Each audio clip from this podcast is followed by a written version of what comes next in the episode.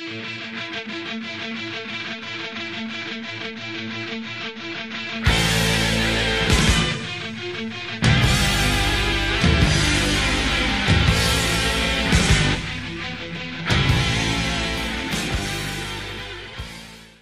og velkommen til vår podkast 'Psykologi og fremmedspråk'. Jeg heter Gerhard Aabend. Jeg er psykolog, bokforfatter og tysklærer. Denne podkasten hjelper deg å forbedre språkferdighetene dine, uansett om du er nybegynner eller profesjonell. Jeg er ikke ekspert på norsk, du har selvfølgelig allerede forstått dette. Vær tålmodig med meg, men jeg lover at jeg skal bli bedre med hver nye episode. Hvis du har oppdaget denne podkasten akkurat nå, kan du sjekke ut de siste episodene først. Kvaliteten vil være mye bedre enn i det første. Temaet for dagens episode er dette. Hvordan vet jeg at jeg har lært nok? Jeg håper at du ikke gikk glipp av vår siste episode. Dunning-Kruger-effekten og faren for å følge selvsikre lærere. Du kan finne alle podkastepisoder i arkivet vårt. Hvis du vil høre på denne podkasten på et annet språk, kan du gå til vår hjemmeside thegomethod.org slash podcast eller thegomethod.org slash Norwegian. Saboterer du din egen suksess med å lære et fremmedspråk, og kaster du bort tid og penger på uproduktive aktiviteter, oppdag du en sjuve feilene jeg selv har gjort de siste 20 årene, og lær hvordan du kan unngå dem ved å lese den nyeste boka, 21 Self-Limiting Beliefs in Learning a Foreign Language Smashed.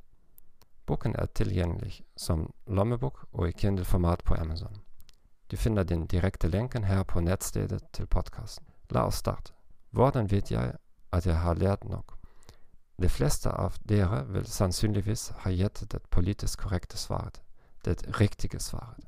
Vi skal aldri stoppe for å lære.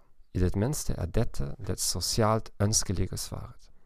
Vi har hørt dette utallige ganger. Vi må alltid lære oss. Livslang læring har vært et trendy konsept i noen tiår allerede. I økonomisk vitenskap er det imidlertid loven om redusert nytteverdi. Jo mer du legger til, sam, jo, jo mer du legger til samme ting, desto mindre viktig, desto mindre verdifull vil det siste tilskuddet være for deg. Se for deg at du kjenner null ord på et nytt språk, f.eks. på vietnamesisk. Hvis du lærer de 2000 mest brukte ordene, vil dette være en stor forbedring for kommunikasjonen din med andre mennesker. Hvis du lærer 2000 ord mer, vil du selvfølgelig ha fordel, men du vil ikke føle en så stor forskjell. Hvis du allerede kjenner 200 000 ord på vietnamesisk, vil du ikke føle noen forskjell hvis du lærer 2000 ord mer. Det er også en annen økonomisk lov mulighetenes eh, lov om mulighetenes koster.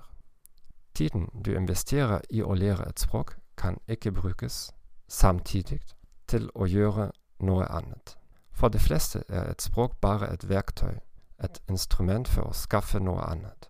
Vi lever ikke bare for å lære fremmedspråk. Derfor, helt fra starten, bestem deg for når du vil redusere innsatsen din. Hvor mange ord vil du vite? Hvor godt vil du være i stand til å forstå bøker eller filmer? Hvilken aksent vil du være i stand til å forstå? Hva slags tekster vil du kunne forstå eller skrive? Og så videre. Så snart du kommer til dette punktet, bør du bytte til en modus med redusert innsats. Men du fortsetter å gjøre noe hver dag, selv om, det, om du lærer et nytt ord per dag. På visse nivåer er det mer enn nok. Takk for at du har hørt på podkasten vår Psykologi og fremspråk. Jeg håper denne informasjonen var nyttig for deg. Abonner på kanalen vår på Apple Podcast, Spotify, Stitcher eller favorittappen din.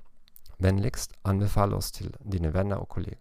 Som jeg lovet før, vil språkdelen bli bedre med de neste ukene. Og la meg få vite hva du synes om dagens episode. Bare skriv meg en e-post. Fortell meg hvilke spørsmål du har, slik at jeg kan svare på dem i en av de kommende episodene. Jeg ønsker deg en fin dag, og farvel.